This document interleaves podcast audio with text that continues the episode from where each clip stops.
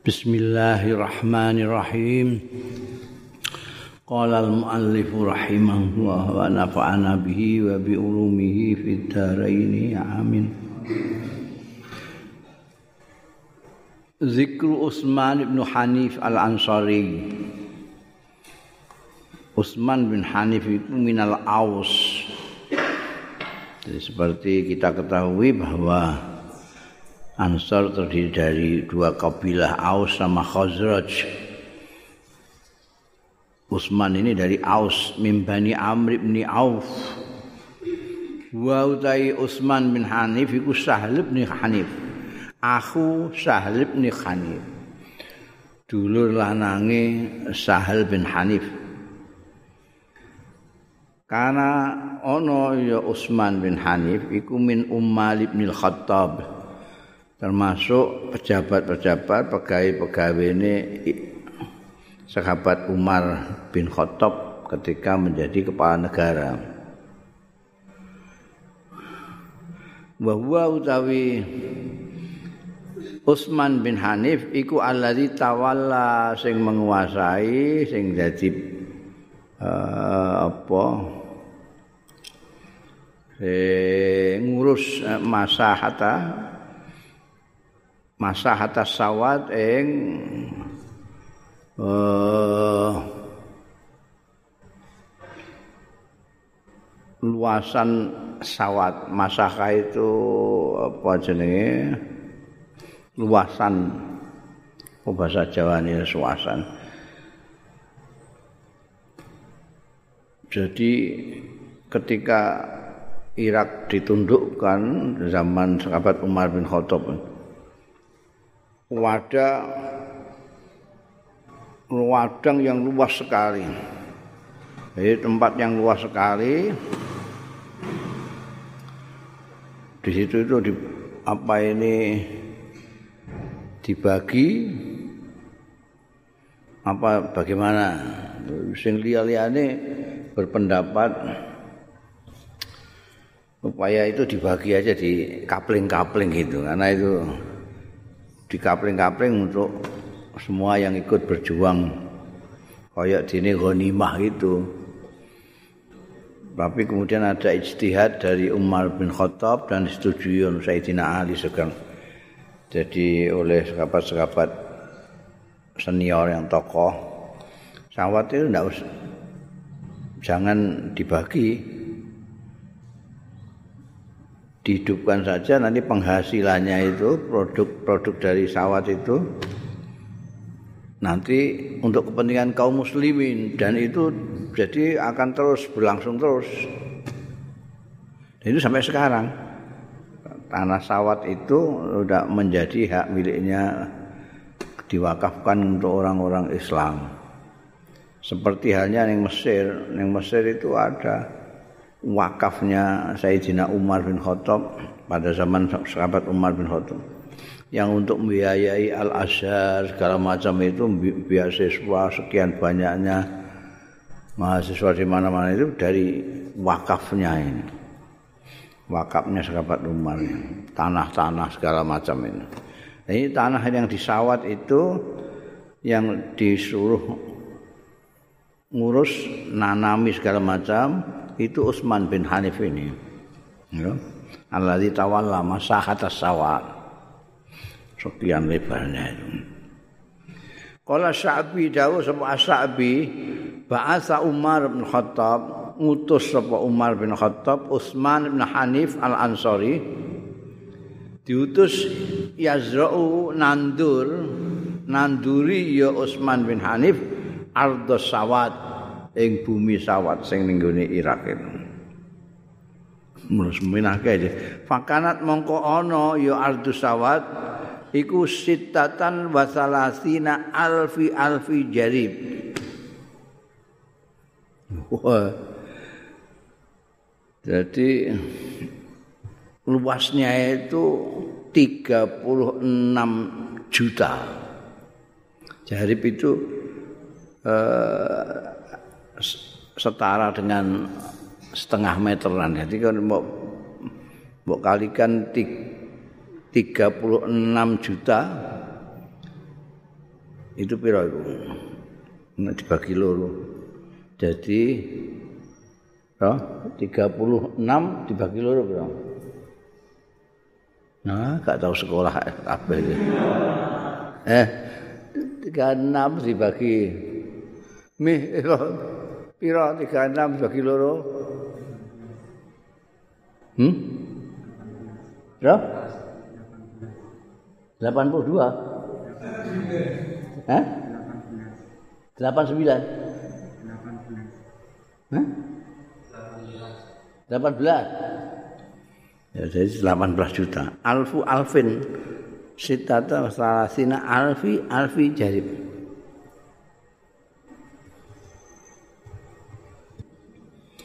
Jarib itu jadi, jadi 10 ribu. Ini ngisor enak keterangannya mana orang iya.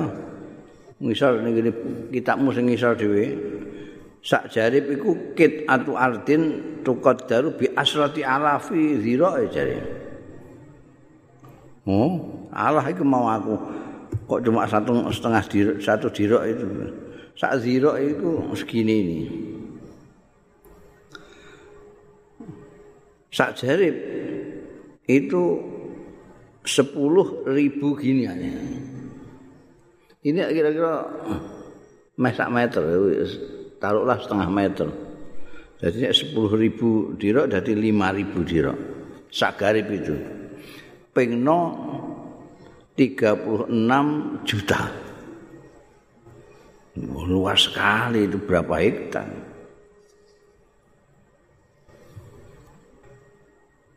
Faja'ala mongkon dadekno sapa Usman bin Hanif ala kulli jaribin ing atase saben-saben sak jarib ndadekno kofizan wa dirhaman. Kofizan iku apa jenenge eh uh, itu takeran dari sing dinggu sing dinggu wiji untuk nandur itu itu sak kofis itu.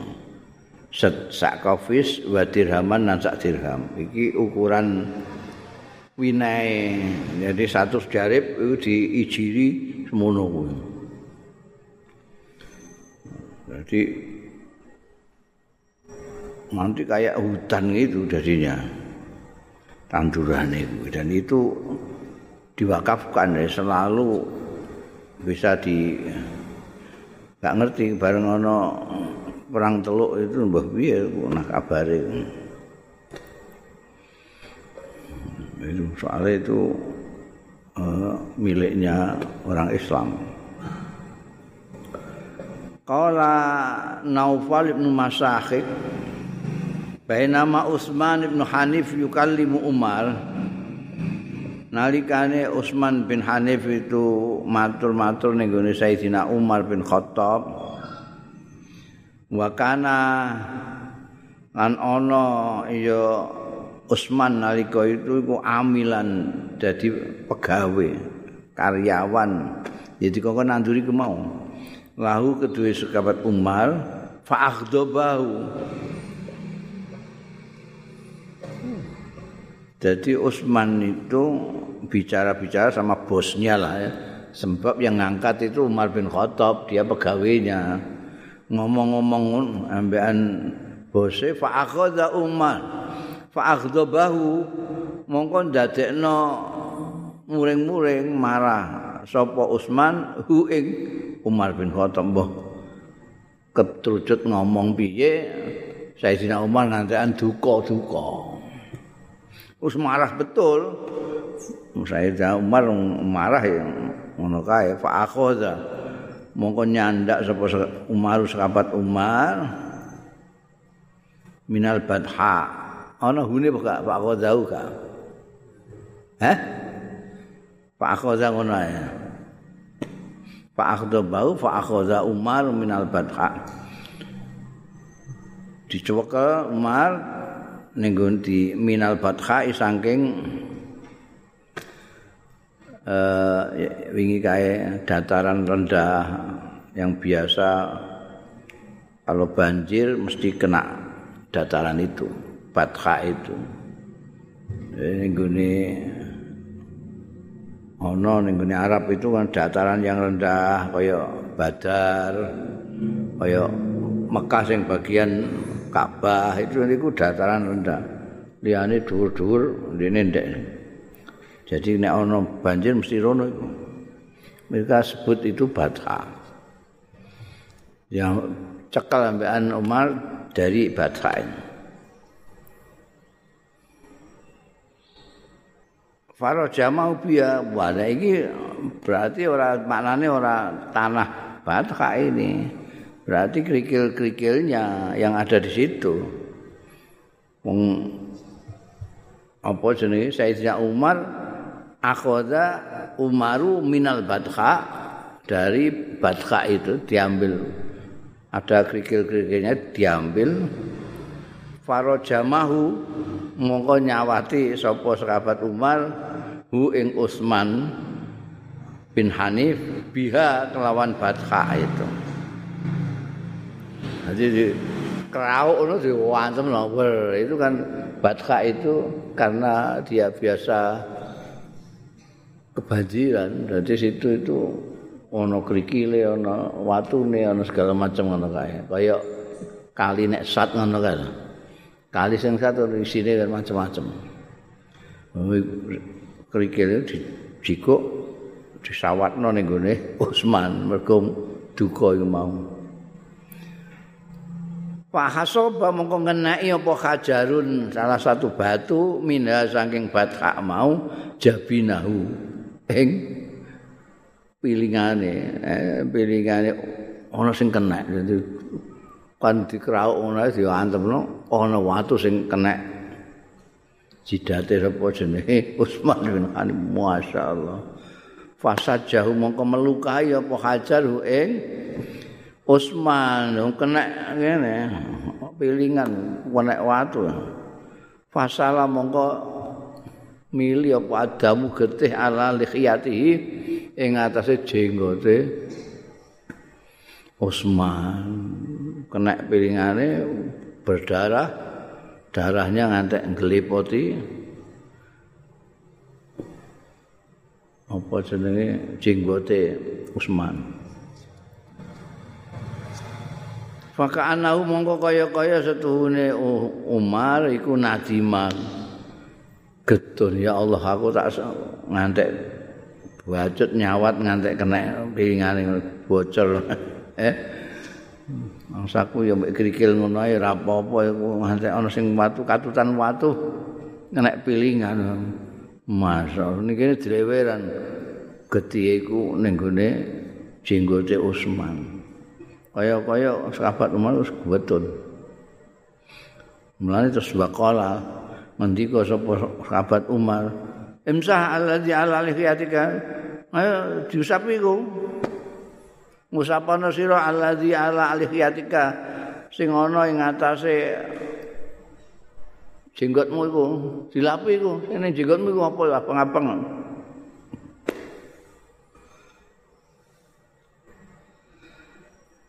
Kala matur sapa Utsman bin Hani, mboten napa-napa layah lik layuh liku hadza ya Amir, mboten ajeng mateni apa hadza iki ya Amirul Mukminin, mboten napa-napa.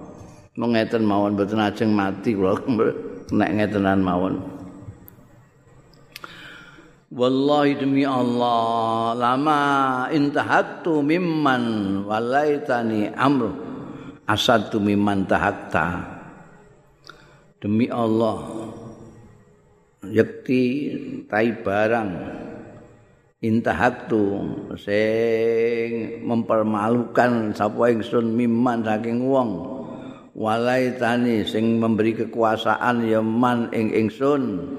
Amrahu ing perkarane man iku asadu luweh nemen mimma intahakta tinimbangane menyakiti panjenengan mempermalukan panjenengan kula mau ngeten mawon niku luweh nemen malih kula nglarakake ati jenengan jenengan sing ngei jabatan kalih kula sing nguasake kekuasaan sawat niku jenengan. Ini kini mboten napa-napa nek mau ngeten tok mawon kok. Pilingan luka sekedhik mboten napa-napa. Jadi sa maksudnya wis isih luwih nemen maulah tuwe nglarakno atine sahabat Umar nganti sahabat Umar duka itu lebih asad tinimbangane sahabat Umar mau nyawat ngonoan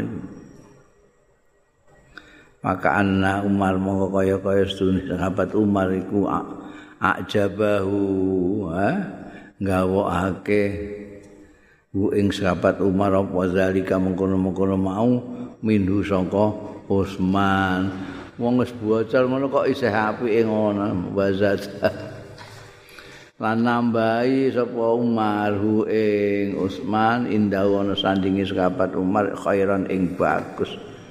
Jadi terus jadi pegawai ini pejabatnya sing keparek sing apik ya. Karena wis dinilai bagus lah. Nanti bocor ngono kok ini sih mempunyai sikap seperti itu bahwa apa yang dia lakukan itu jauh lebih apa namanya lebih berat daripada apa yang dilakukan sahabat Umar. Dengan mau nyawat ngono tok ae, aku menyakiti hatinya kan lebih berat. Sahabat Umar tertarik itu sikap itu. Maka Utsman diapii dijadikan keparke Bunda Zikru Abbas bin Ubadah bin Nasrah radhiyallahu anhu. Abbas bin Ubadah min Bani Salim bin Auf. Dia juga orang Madinah, orang Ansor dari Bani Salim bin Auf. Akobi. Dia termasuk ikut Ba'ah Akobah. Maka gelare Akobi. Ansori, dia juga orang Ansor. Ustuzida gugur syahid sapa Abbas bin Ubadah bi Uhudin ana ing perang Uhud. Wa huwa utawi Abbas bin Ubadah iki alladzi syaddal aqd fil bai'ah lailatul aqabah. Orang yang naleni bundelan fil bai'ati ing dalem saat bai'at Lailatul Aqabah di malam Aqabah li Rasulillah duwe Kanjeng Rasul sallallahu alaihi wasallam. Yang kita tahu kan apa jenenge Baiatul Aqabah itu diam-diam di malam hari. Waruwiya an Ka'b bin Malik. Anten diwetake an saking Ka'b bin Malik kala ngendika ya Ka'b bin Malik. Kharajna kita itu keluar metu kita fi hujjaji kaumina ing dalem kelompoke haji-haji kaum kita. Minal musyrikina sing wong-wong musyrik. Jadi yang datang pada waktu musim haji zaman itu itu justru yang banyak yang musyrik. Karena yang Islam masih delik-delik pada waktu itu. Anjing Nabi ya barang itu sembunyi-sembunyi ketika menjumpai mereka. Di antara orang-orang musyrik itu ada yang tertarik dengan ajakannya Kanjeng Nabi Muhammad sallallahu alaihi wasallam, termasuk Ka'ab bin Malik barang ke Abbas bin Ubadah. Ini no zaman itu kita keluar fi hujaji kaumina minal musyrikin. Tapi waqt sholaina. Kita pada waktu itu sudah sholat. wa fikih lan dipinterno kita tentang agama wa ma'ana lan iku satane kita al barra bin ma'rur. Siapa al barra bin ma'rur? Sayyiduna wa kabiruna. Itu pemimpin kita dan penggede kita. Alamma wajahna ha? bareng menuju kita li safarina marang perjalanan kita wa bayakna lan biat kita Rasulullah Kanjeng Rasul sallallahu alaihi wasallam. Bil aqabati ana ing aqabah aqabah itu ning Minan. Soroha soroha bengok-bengok apa asaitan setan min ra'sil aqabah dari puncak aqabah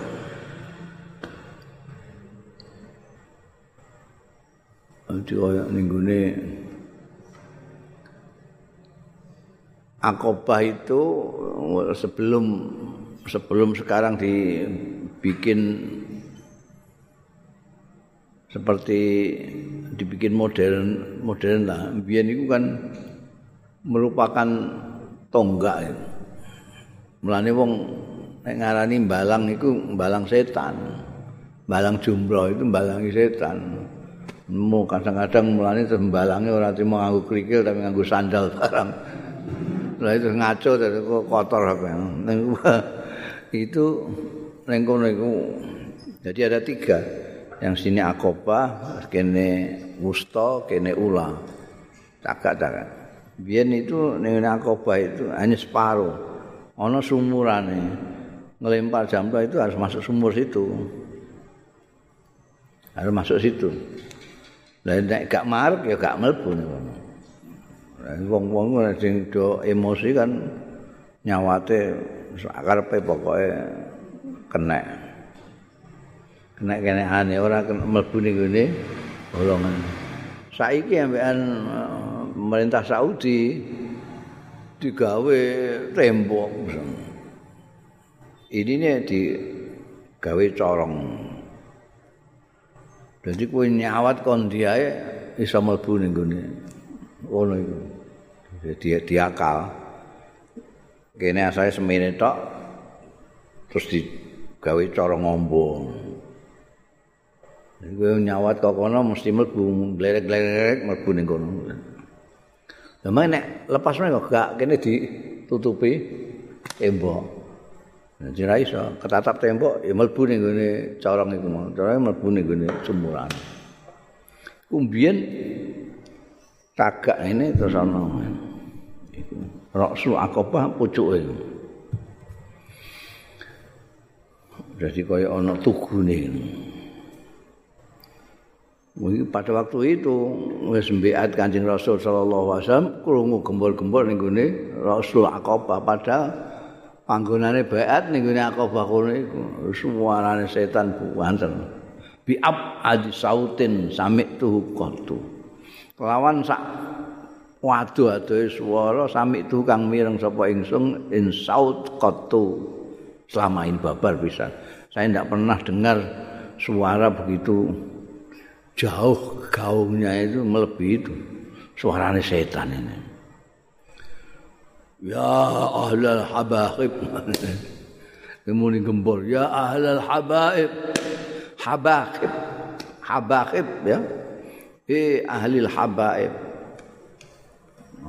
habahib orang apa namanya ono sing ngarani habahib itu tempat tempat di situ itu disebut habahib dengan kenapa disebut habahib karena eh, di situ apa jenenge banyak orang menyalakan api-api. Habahib itu e, nyala api tapi yang tidak yang tidak besar. Di wong Arab itu niteni wong duwe api unggun itu gede apa cilik? Membahasnya kan kemah-kemah. Jadi kowe nek ning gone kajingku iku wemah tok isine ora kok omah-omah enggak kemah. Ini mereka pada bikin api unggun. Kalau api unggunnya besar, ini tandanya wonge loma, lomo ini. Tapi nek mau kelip-kelip men habahib, mau kelip-kelip ngono ta ya. Iku wonge bakhil. Wonge bakhil ben gak ketok wong kok ada teko. Nek ketok udah teko. Padahal asli ini api itu apa? Namanya narul kiro. Narul kiro itu memang untuk ngundang orang. Jadi wong sing ning ndi diundang pakai api itu.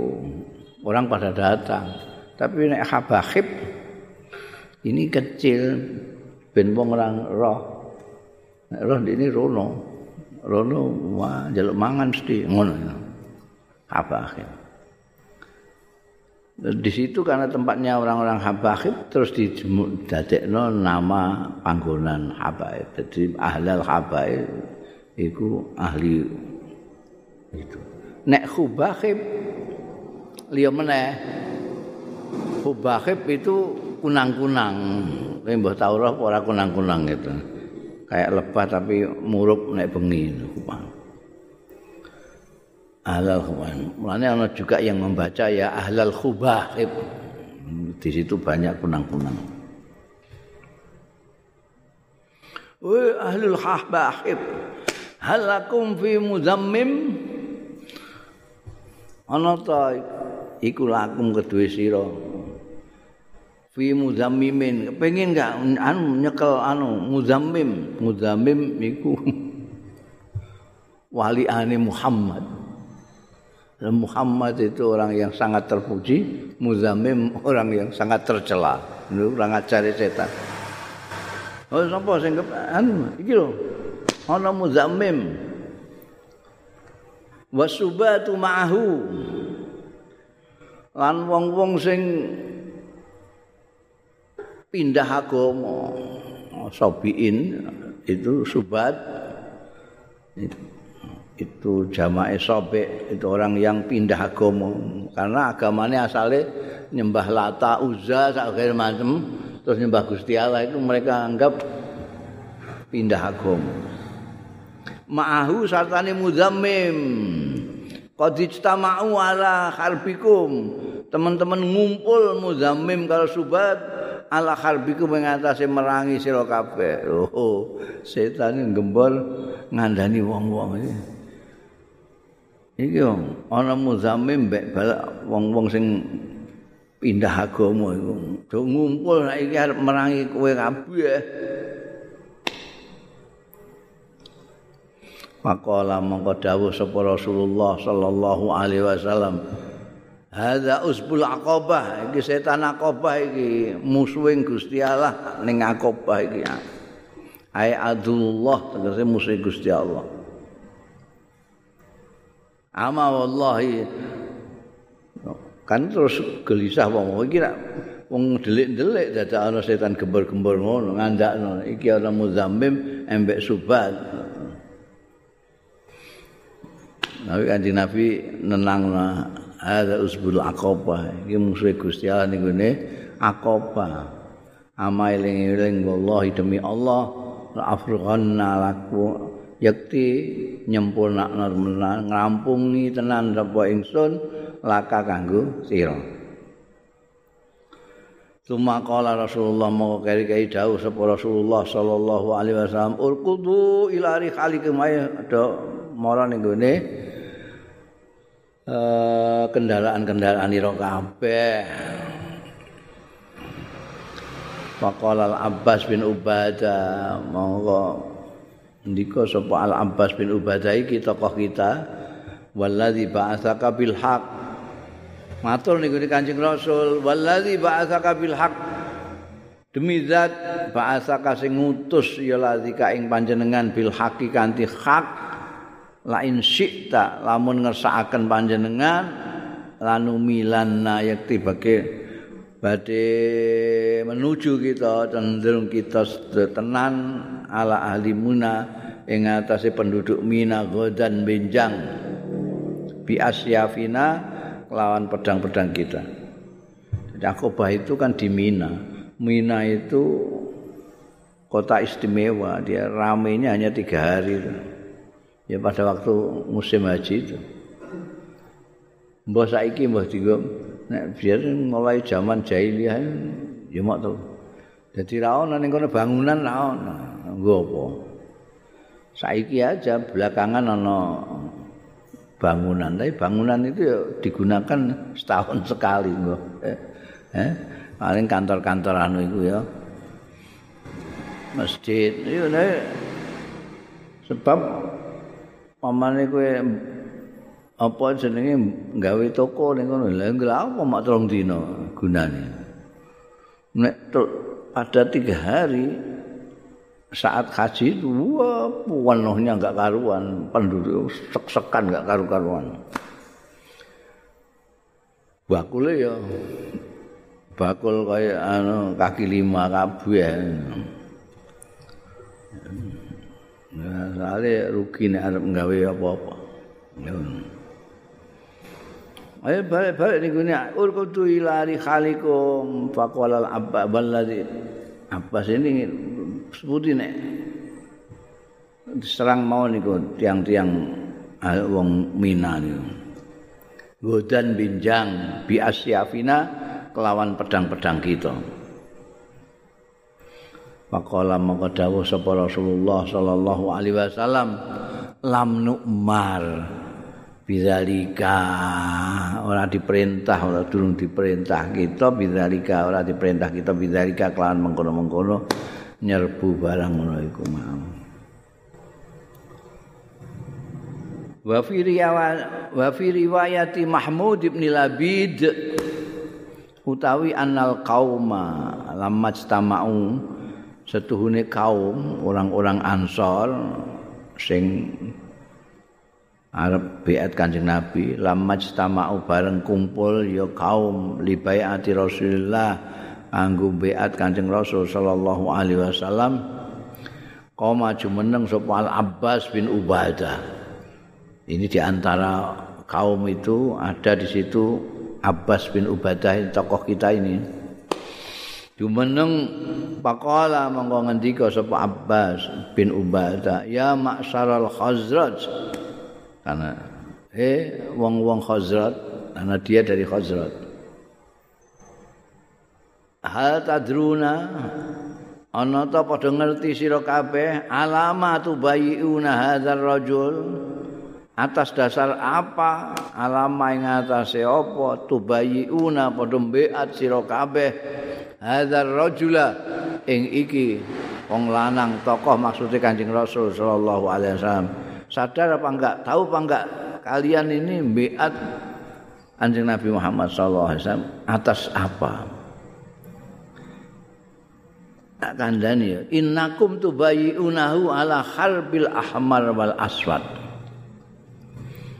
Tuhune sira kabeh iku biat hadzal rajul atas dasar ala khalbil ahmar untuk memerangi yang merah wal aswad yang hitam. Uban. Eh? Ora terima wong Arab tok sing ahmar barang itu sing orang dari Rom, dari Pers Persia itu nanti akan dijak merangi wong-wong iku kowe. Fa in kuntum tarawna annakum tufuna lahu bima ahadtumuhu alaihi fa huwa khairud dunya wal akhirah. Fa in kuntum mongko lamun ana sira kabeh ana iku tarawna ningali sira kabeh ing annakum setuhune sira kabeh tufuna iku padha nuhoni sira kabeh lahu marang hadzal rajul bima kelawan barang ahadtumuhum sing padha berjanji sira kabeh janjeni ing hadzal rajul alaihi ing atase ma bahwa mongko utahi mengkono mau iku khairun dunya kebagusan dunia wal akhirat lan akhirat. Fakhuzuhu mongko ngalapo sira ing perjanjian mau ma ahatum rujuke fakhuzuhu kamu harus sadar bahwa nanti itu kalau beat dengan Rasulullah itu harus berani nanti menghadapi siapa saja. Ahmar wal Asad itu siapa saja yang pasti akan menentang karena umumnya mereka orang-orang musyrik. Nah padahal ajakan Kanjeng Rasul sallallahu alaihi wasallam tauhid. Jadi mesti dimusuhi.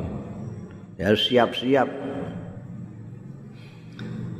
iso apa gak nek iso ya dituhoni nek kowe nuhoni bagus sekali dunia akhirat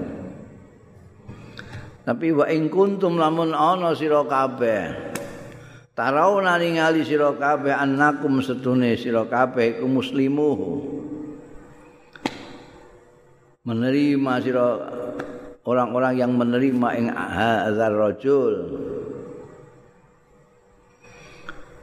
Tapi idza nahakat amwalukum takalane entek apa bondo-bondo ira. Itu tarau musibatan mbok tingali sebagai musibah wah nek dikon diajak perang barang kan biaya sendiri entek duitku musibah nek nek kalian menganggap seperti itu tarauna annakum muslimuhu idza nahakat amalukum musibatan wa asrafakum qatrun dan pemimpin-pemimpin orang-orang mulia kalian semua itu terbunuh. Mongko faminal an mongko sejak sekarang.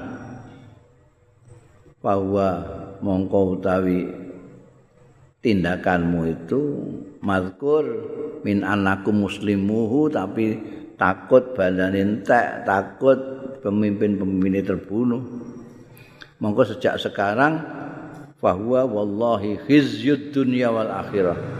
Itu merupakan kehinaan dunia lan kehinaan akhirat. Sebaliknya tadi. Tadi itu khairud dunya wal akhirah saiki khizyud dunya wal akhirah.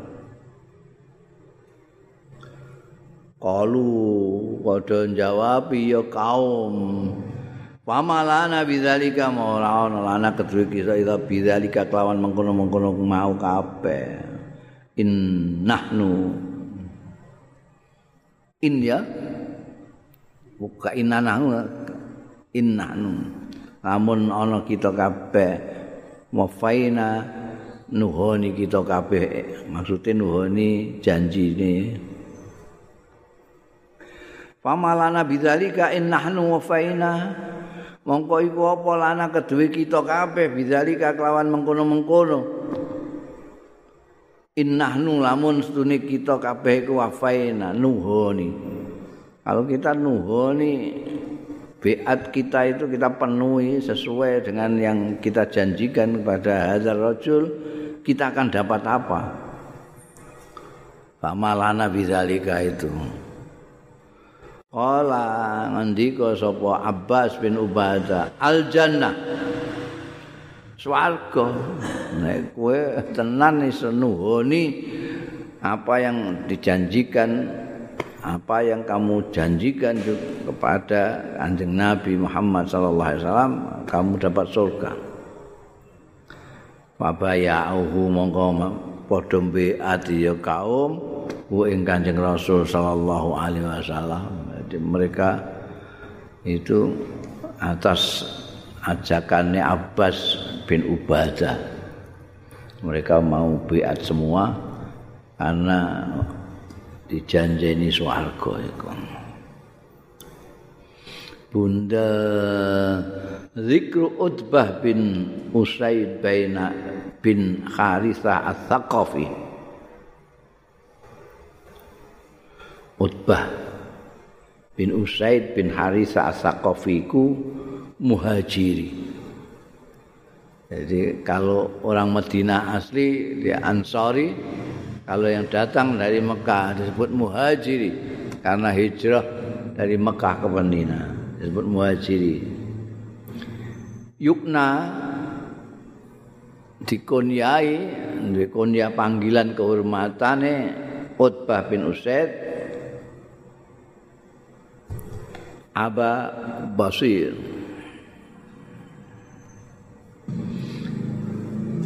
Karena ono sapa Utbah bin Usaid iku minal mahbusin termasuk orang-orang yang ditawan, ditahan di Makkah ono ing Mekah. Fam falata mongko ucul melepaskan diri iya Utbah fil hudnati dalem masa gencatan senjata. Ba'dal qadiyati sakwise Qadiyah Qadiyah itu maksudnya setelah adanya perjanjian di Hudaybiyah itu selama ini selalu ada terus apa namanya baik perang tenanan maupun perang dingin dengan orang Mekah. Sejak peristiwa Hudaybiyah ketika Kanjeng Nabi Muhammad sallallahu alaihi wasallam dan para sahabat-sahabatnya mau umrah diadang karo wong kufar Mekah diadakan perjanjian-perjanjian itu. Nah, pada saat itulah apa namanya Utbah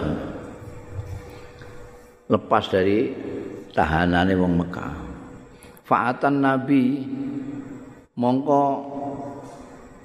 sowan sapa Utbah an-Nabi ing Kanjeng Nabi sallallahu alaihi wasallam. Melayu. Fakataba fihi Al-Ahnas bin Suraik mongko nulis fihi tentang Utbah bin Usaid sapa Al-Ahnas bin Suraik wa Azhar bin Abdi Auf ila Rasulillah marang Kanjeng Rasul sallallahu alaihi wasallam.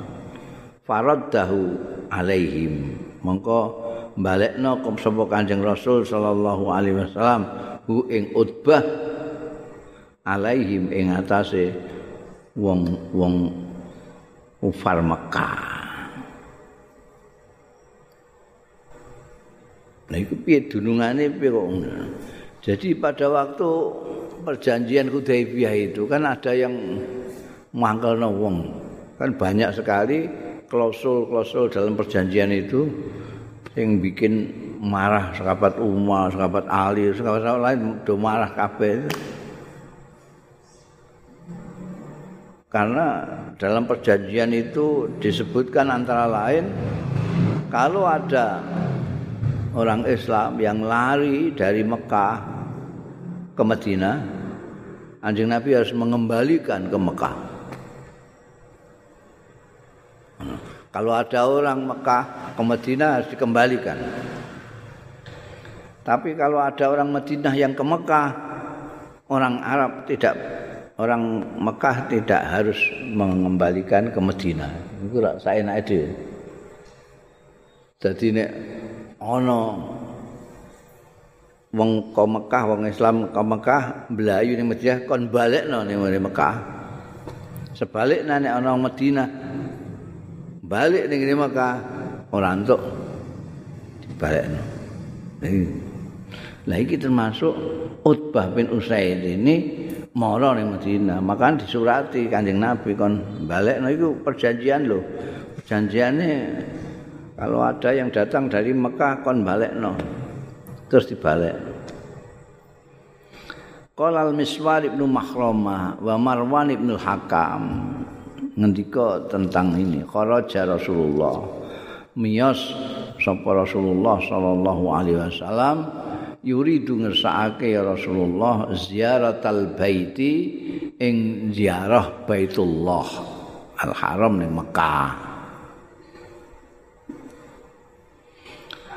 falamma sadduhu bareng ngalang-alangi wong Mekah kufar Mekah ing Kanjeng Rasul sallallahu alaihi wasallam gak sida umrah ora sida ziarah ning Baitullah tapi terus kondur wa qadimal Madinah.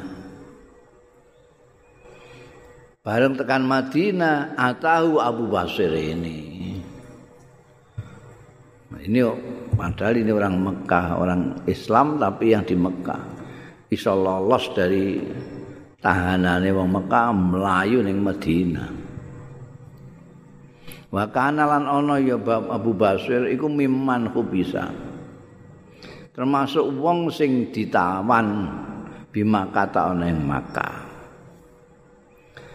Falamma qadima ala Rasulillah bareng tumeka sapa Abu Basir alias Utbah bin Usaid.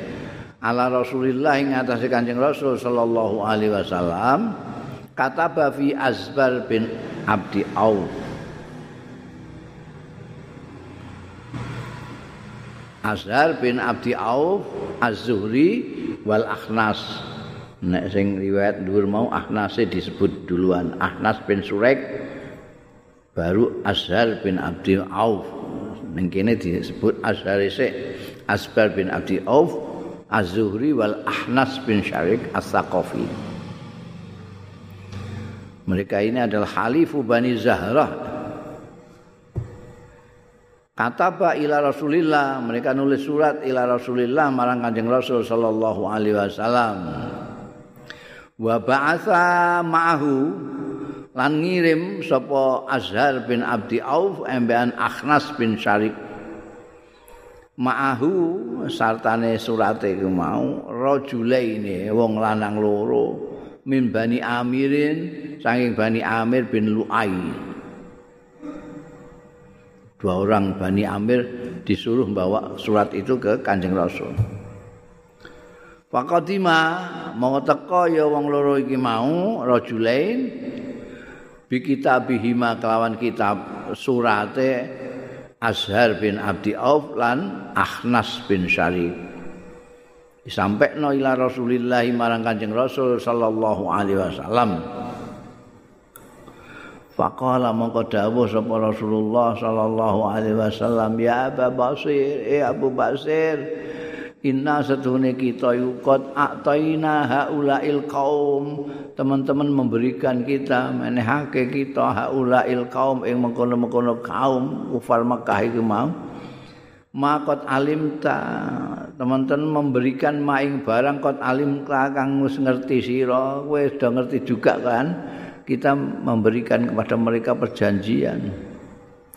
Bahwa kalau ada yang kemari ke Medina harus kita kembalikan ke Mekah. Saiki saiki ana sing marani.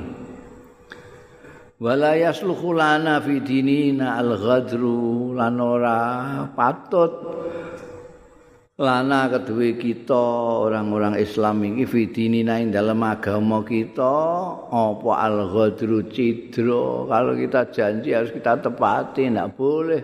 Di dalam agama kita ini mengkhianati perjanji kita sendiri. Janji kita waktu itu kalau ada yang dari Mekah ke Medina harus kita kembalikan. Jadi kisah iki aku tak balik Fa inna Allah mangkasune Gusti Allah iku jailun laka. Ndadekno mesti ndadekno laka marang sira. Waliman ma'akalan satane wong ma'aka kang satane sira. Minal muslimina saking wong-wong Islam farajan wa makhrajan. Ya. Wai'at wa makhrajan jalan keluar. Jalan keluar kok bocor jawane eh panggonan metu. Ya parajan jalan keluar jalan keluar. Jalan metu. Parajan wa mahrajan maknane meh padha. Jadi kan Kanjeng Nabi juga pirsa lah Abu Basir ini wala aku iki tawanan wis iso wucul balekno nek ditawan aku iki ya Allah melayu kok Mekah Medina wis iso ucul terus iso melayu nganti tekan Medina saiki dibalik. Nah bagaimana lagi? Itu janji kita ndak boleh wis ah engko bakal untuk jalan keluar kamu sudah. Gusti Allah sing aring dalan. Intolik budala sira ila kaumi kamarang kaumira wis kono ngono ning Mekah nih Faqala mongko matur sapa Abu Basir ya Rasulullah. Duh Kanjeng Rasul taruduni jenengan mangsulake kula ilal musyrikin. Dateng tiang-tiang musyrik ya sing ajeng mitnah musyrikin ing kula. Fidini ing dalam agama kita kula balik disiksa malih niki mangke. Kala dawuh sapa Kanjeng Rasul sallallahu alaihi wasallam ya Abu Basir intolik ah budal wae kowe. Andel aku fa innallaha maqsudi Gusti Allah saya ja'alulaka bakal ndadekake sapa Allah laka kanggo sira waliman ma'aka lan kanggo wong ma'aka kang sarta ira minal mustadafin. Saking wong-wong sing di tindas itu sing dianggap dhaif farajan wa mahrajan. Nah, Gusti Allah pasti akan memberikan jalan keluar kepada kamu dan kawan-kawanmu yang ditindas itu. Berangkat aja. Pantolako mongko budal sapa Abu Basir maaf dengan berat hati mesti ini ya omong ini didawi kanjeng Nabi ya percaya mek kanjeng Nabi pasti Gusti Allah nanti akan memberikan farajan wa mahrajan mangkat. Ma'ahuma sartane rajulen mau sing nggawa surat mau. Hatta idza kana sehingga tatkalane ana sapa Abu Basir bidil Khulaifah. Ana ing Dzil Khulaifah nggo kowe nek ngaji utawa umroh roh dhewe nggo jalasa ila jidarin jalasa mongko lungguh sapa Abu Basir ila jidarin maring. Jidar jidar iku temboke kebonan. Lan senda kesel aku. Wajala sama ahulan lungguh ma'ahu sartane Abu Basir sapa sahibahu. Kanca lorone Abu Basir sing marani dekne mau dua rajulen mau melok linggih ning kono. Kala ngendika sapa Abu Basir Asari mun saifuka linggih-linggih istirahat sampai takokane Asari mun saifuka. Ana ta iku landhep apa saifuka? Pedangmu iku ndak landhep asalimun ta landhep saifuka hadza pedangmu iki ndak landhep ya akhobani amirin he dulur bani amir Kala jawab sapa? Aku Bani Amir iki sing ditakoki pedange landhep ta. Nam, iya. wedangku juga landep anu Kala ngendika sapa Abu Basir jae andur ilahi jae tak delok-delok aku. Oh. Andur ilahi jae delok aku ilahi marang Saifuka. Jae delok landep tenan ta ora. Kala jawab sapa aku Bani Amir iki mau sing duwe pedang insikta lamun karep sene nek ra ngandel. Diulungno fastallahu. Mongko ngunus. Hu ing pedang mau sapa Abu Basir. Diunus summa alahu mongko ngangkat sapa Abu Basir. Ngungguli hu ing aku Bani Amir iki mau bi kelawan pedang mau kata kota lahu diwantem mbekan pedange dhewe. Eh iya landhep tenan. Mesti gue mata ini wong sing di pedang. Wah, wah terus bakara jal akharu sarian metu sapa akharu wong liya bukan wong liya sing sitok engkas bukan dua orang. Bareng ngerti sing sitok dipateni karo Abu Basir sing liyane terus ndegeke ngeblas sarian cepet-cepetan. Kata-ata sehingga nekani ya akhir Rasulullah ing Kanjeng Rasul sallallahu alaihi wasallam wa huwa kali utahe Kanjeng Rasul ku jalisun lagi pinarak fil masjid ing dalam masjid.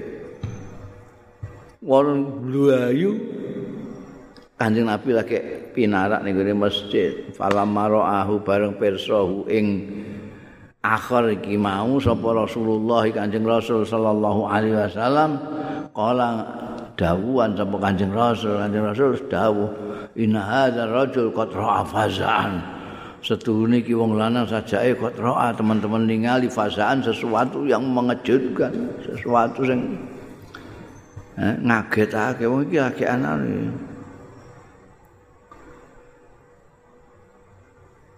Falama intaha ila Rasulillah bareng tekan sapa akhir mau ila Rasulillah marang kanjeng nyedak wis par karo Rasulullah sallallahu alaihi wasallam. Kala dawuh sapa Rasulullah sallallahu alaihi wasallam wa ilaka malaka ilaka kowe. Malaka iku apa laka kedus kamu kenapa ini? Olan jawab sapa akhir Kotala sahibukum sahibi.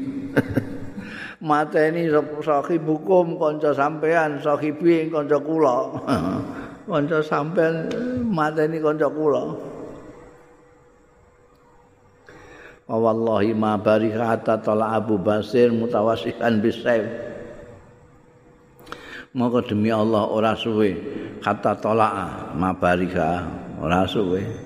Hatta tolak sehingga muncul sapa Abu Basir mutawasikan kali nganggar bisaifi kan pedang kata waqafa sehingga jumeneng Abu Basir ala Rasulillah ing atase Kanjeng Rasul sallallahu alaihi wasallam. Faqala mongko matur sapa Abu Basir. Ya Rasulullah duh Kanjeng Rasul wafat zimatuka. Pun lunas zimatuka tanggungan jenengan. Jenengan kan pun balekake kula. Sesuai perjanjian kula dugi teng Madinah niku kudu jenengan balekake. Jenengan pun balekake kula Nah, saat pun balik Dewi mriki. Jadi Eh, jenengan pun pun memenuhi memenuhi perjanjian sudah pun betul tanggungan malih pun wafat di matuka. Soalnya perjanjiannya kudu balik no, jenengan pun balik no. Dini kula teng tengah jalan niku urusan kula, mboten urusan jenengan malih, jenengan pun mboten menyalahi perjanjian. Kula balik mriki balik-balik kula ki Makalan Nabi mongko dawuh sapa Kanjeng Nabi sallallahu alaihi wasallam.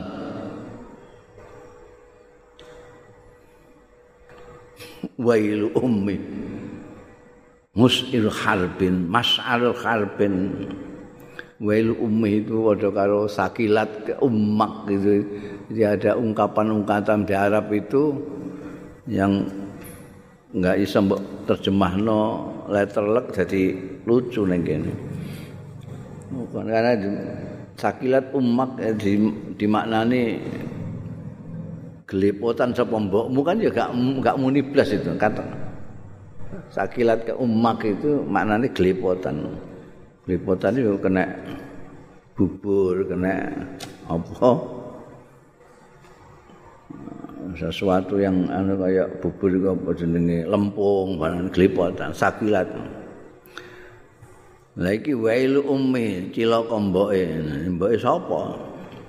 Itu ungkapan-ungkapan seperti itu banyak sekali. Sakilat ka umat, wailu umat, waihaka, wailaka, waiha ummi. Iki wailu ummi. Mas Harpin wah ini pencetus perang ini. Apa senengnya pencetus ini bakal nimbulkan peperangan. Mesti geger iki kono mesti Wa fi riwayat nani disebut ana ing suwijining riwayat Abu Basir matur Kanjeng Nabi wafat di Matuka. Pun nuhoni pun sempurna pun lunas napa di Matuka perjanjian jenengan. Rodatani jenengan pun mangsulake ing kula ilaihim dateng tiang kufar Mekah, tiang Mekah. Jadi pun pun sesuai kalian janji jenengan mboten mblenjani janji. Mergo jenengan sampun mangsulake kula tenggene ilahi marang wong-wong kufar Mekah. Nah, sakniki anjanillahu minhum. Nyelametake ing kula sapa Allah Gusti Allah minhum saking tiang-tiang kufar Mekah. Jenengan mboten salah kali mereka karena jenengan nuwuni janji mbalekake kula tapi Gusti Allah nyelametake kula dari mereka. Bundal wa fi riwayatin wailu ummi